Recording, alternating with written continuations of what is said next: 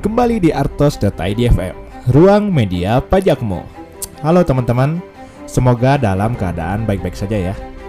Sekarang ini Indonesia sedang mulai masuk musim hujan teman-teman. Jadi pastikan jaga kondisi agar tetap sehat dalam menghadapi musim hujan dan juga kita masih menghadapi pandemi COVID-19. Nah, lalu teman-teman, kita dengar juga di salah satu wilayah Indonesia, tepatnya di Malang, sedang terjadi banjir bandang.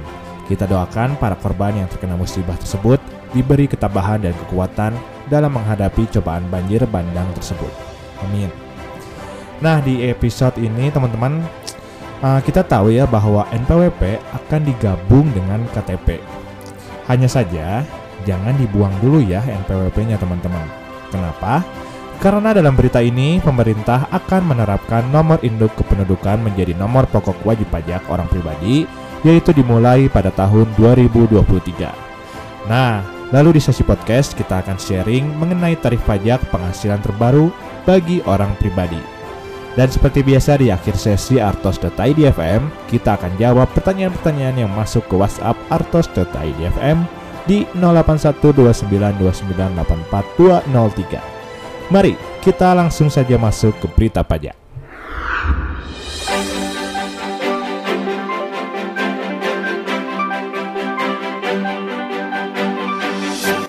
Pemerintah akan menerapkan nomor induk kependudukan menjadi nomor pokok wajib pajak bagi orang pribadi mulai tahun 2023. Hal tersebut disampaikan langsung oleh Direktur Jenderal Pajak Kementerian Keuangan Suryo Otomo dalam sosialisasi Undang-Undang Harmonisasi Peraturan Perpajakan yang diselenggarakan oleh Apindo.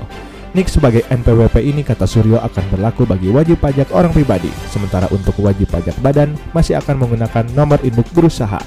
Pada kesempatan yang sama, Direktur Penyuluhan Pelayanan dan Hubungan Masyarakat DJP Hestu Yoga Saksama mengungkapkan, penambahan NIK menjadi NPWP kemungkinan bisa terjadi dengan dua pola yang berbeda. Pertama dengan pola masyarakat mendaftarkan sendiri di kantor pelayanan pajak terdekat untuk diaktifkan NIK-nya. Kedua adalah diaktifkan secara otomatis oleh DJP dengan mempertimbangkan beberapa ketentuan.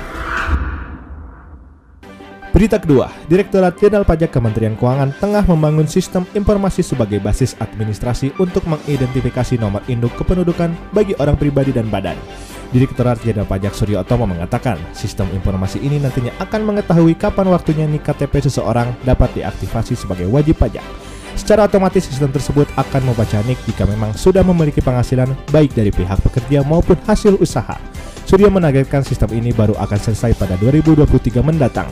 Dirinya pun menjamin sistem dibangun tersebut akan betul-betul berawal dari data-data dan informasi yang dikumpulkan, sehingga keinginan Presiden Joko Widodo dalam satu data dapat tercapai. Berita ketiga, pemerintah bakal melangsungkan program pengungkapan sukarela atau lebih dikenal dengan program pengampunan pajak dari Januari sampai Juli 2022. Dalam program pengungkapan sukarela kali ini ada dua kebijakan yang bakal berlaku. Kebijakan satu untuk pengungkapan harta tahun 2015 bagi yang sudah mengikuti teks amnesti tahun 2016 dan kebijakan dua untuk mengungkap harta perolehan tahun 2016 sampai 2020 untuk yang sudah mengikuti teks amnesti maupun yang belum. Direktur Peraturan Perpajakan 1 Direktorat Jenderal Pajak Kementerian Keuangan Hestu Yoga Saksama mengungkapkan, kebijakan dua hanya berlaku untuk wajib pajak orang pribadi, bukan wajib pajak badan. Hestu menilai wajib pajak badan dikecualikan lantaran industri di Indonesia relatif lebih tertib dan di sisi lain wajib pajak badan juga sempat mengikuti teks amnesti jilid 1 tahun 2016. Demikian sejumlah berita hangat yang dapat saya sampaikan ke ruang dengar Anda.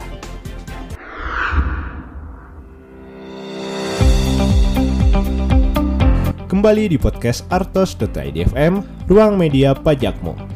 Di episode ke-18 ini teman-teman kita akan sharing mengenai tarif pajak penghasilan terbaru untuk wajib pajak orang pribadi.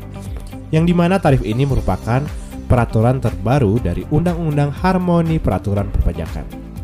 Ya seperti kita tahu ya teman-teman, kalau Undang-Undang Pajak yang disingkat Undang-Undang HPP ini ya yang terbaru sedang hangat dibicarakan.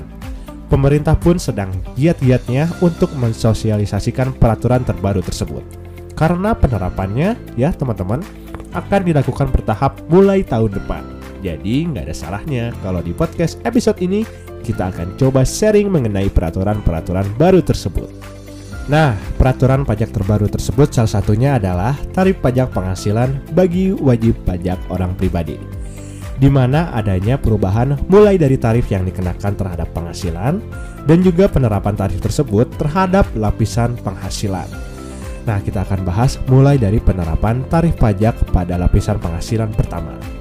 Nah, kalau dulu ya teman-teman, lapisan penghasilan pertama itu dimulai dari rentang 0 rupiah sampai dengan 50 juta rupiah. Maka dikenakan tarif 5%. Nah, di peraturan terbaru, lapisan penghasilan pertama yaitu dari rentang 0 rupiah sampai dengan 60 juta rupiah. Maka dikenakan tarif 5%. Nah, jadi jika teman-teman mendapatkan penghasilan kena pajaknya yaitu uh, penghasilan kena pajak itu uh, sudah diperhitungkan dengan PTKP ya, teman-teman Nah, penghasilan kena pajaknya ternyata melebihi 60 juta rupiah. Maka penghasilan dari 0 sampai 60 juta rupiah tersebut dikali 5%, maka itulah pajaknya, teman-teman. Nah, gitu gampangnya. Untuk lapisan pertama. Nah, untuk lapisan penghasilan berikutnya yaitu penghasilan kena pajak setelah 60 juta rupiah ke atas sampai dengan jumlahnya 250 juta rupiah atau bisa kita sebut sampai 190 juta rupiah teman-teman. Nah, kenapa seperti ini? Karena gini, masih banyaknya yang bingung dalam membaca lapisan penghasilan ini. Nah, pada lapisan kedua, cara bacanya kayak gini teman-teman. Kan uh, eh, 250 juta rupiah ini bukan rentang penghasilan teman-teman, tetapi merupakan jumlah penghasilan sehingga lapisan kedua dari penghasilan kena pajak itu sampai 190 juta rupiah bukan sampai 250 juta rupiah. Nah, uh, kenapa sampai 190 juta ru uh, 90 juta rupiah? Coba deh sama teman dijumlahkan ya. 190 juta rupiah yang merupakan lapisan kedua terus ditambah dengan lapisan pertama yaitu sampai 60 juta rupiah. Maka hasilnya jika ditambahkan sudah mencapai 250 juta rupiah. Nah, lapisan penghasilan kena pajak inilah yang 150 juta rupiah dikenakan tarif pajak 15%.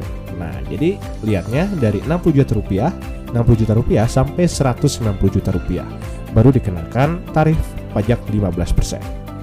Untuk lapisan penghasilan kena pajak yang ketiga dimulai dari jumlahnya 250 juta rupiah sampai dengan jumlahnya 500 juta rupiah.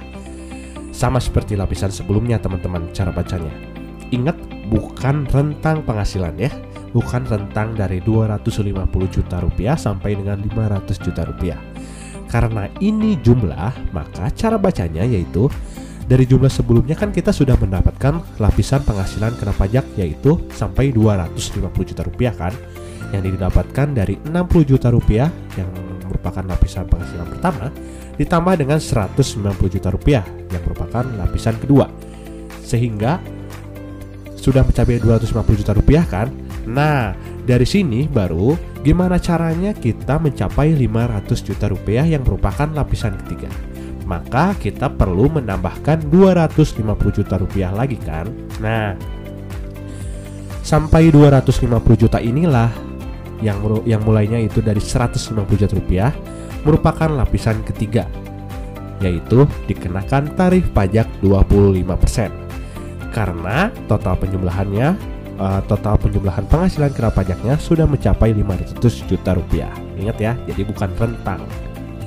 Nah, untuk lapisan penghasilan kena pajak yang keempat, tetap melanjutkan lapisan sebelumnya ya teman-teman. Nah, lapisan keempat ini uh, merupakan penghasilan kena pajak yang jumlahnya sudah mencapai 500 juta rupiah sampai dengan 5 miliar rupiah. Cara bacanya tetap sama ya teman-teman kan kita sebelumnya sudah mendapatkan penghasilan kena pajak sampai dengan 500 juta rupiah. Yang pertama yaitu didapat dari 60 juta rupiah yang dikenakan 5%, terus ditambah 190 juta rupiah yang dikenakan 15% ya penghasilan lapisan kedua dan yang ketiga ditambah lagi 250 juta rupiah dari penghasilan lapisan ketiga yang dikenakan tarif pajak 5, uh, 25%. Nah, karena kita sudah mencapai 500 juta rupiah, maka untuk sampai ke 5 miliar rupiah, maka kita kan memerlukan tambahan angka 4,5 miliar rupiah.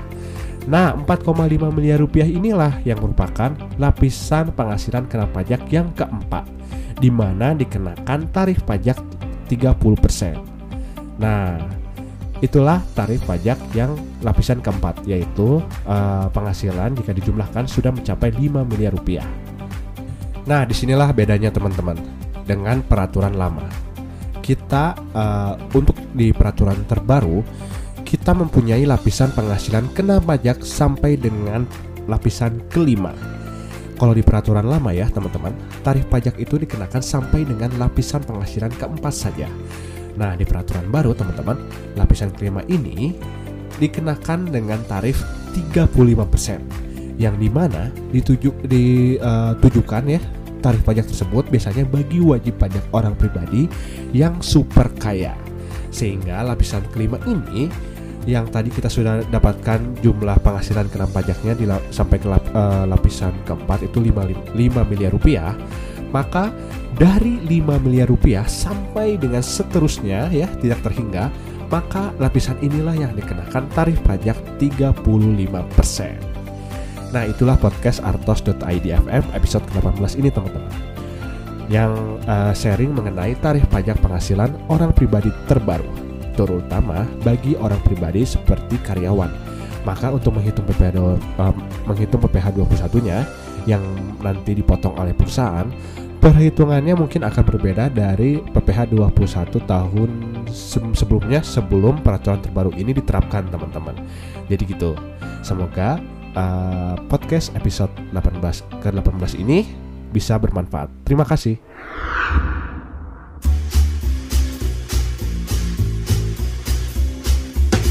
Ya, kita sudah sampai di akhir sesi artos.idfm yaitu Q&A pajak. Biasa, saya akan membacakan pertanyaan-pertanyaan yang masuk ke WhatsApp artos.id di 081292984203. Nah, ada yang bertanya dari 0857248002 sekian sekian. Yaitu pertanyaannya adalah apakah membeli barang dan jasa dari luar negeri terkena PPN? Maka siapa yang memungutnya dan apakah harus dibuatkan faktur pajaknya oleh pembeli? Oh, oke. Okay. Ini bertanya terkait dengan PPN, tetapi kita membeli barang atau jasanya dari luar negeri ya, teman-teman. Nah, uh, eh, PPN ini ya di mana pada umumnya dipungut oleh penjual ya teman-teman.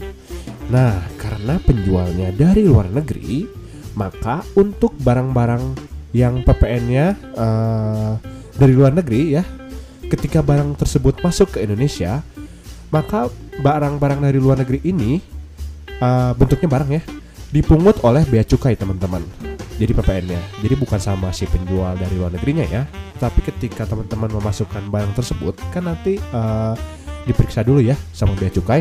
Nah, pada saat diperiksa oleh sama bea cukai, maka kita juga selain membayar pemeriksaan atau pajak-pajak lain, maka membayar PPN uh, eh, impor tersebut ke bea cukai, teman-teman.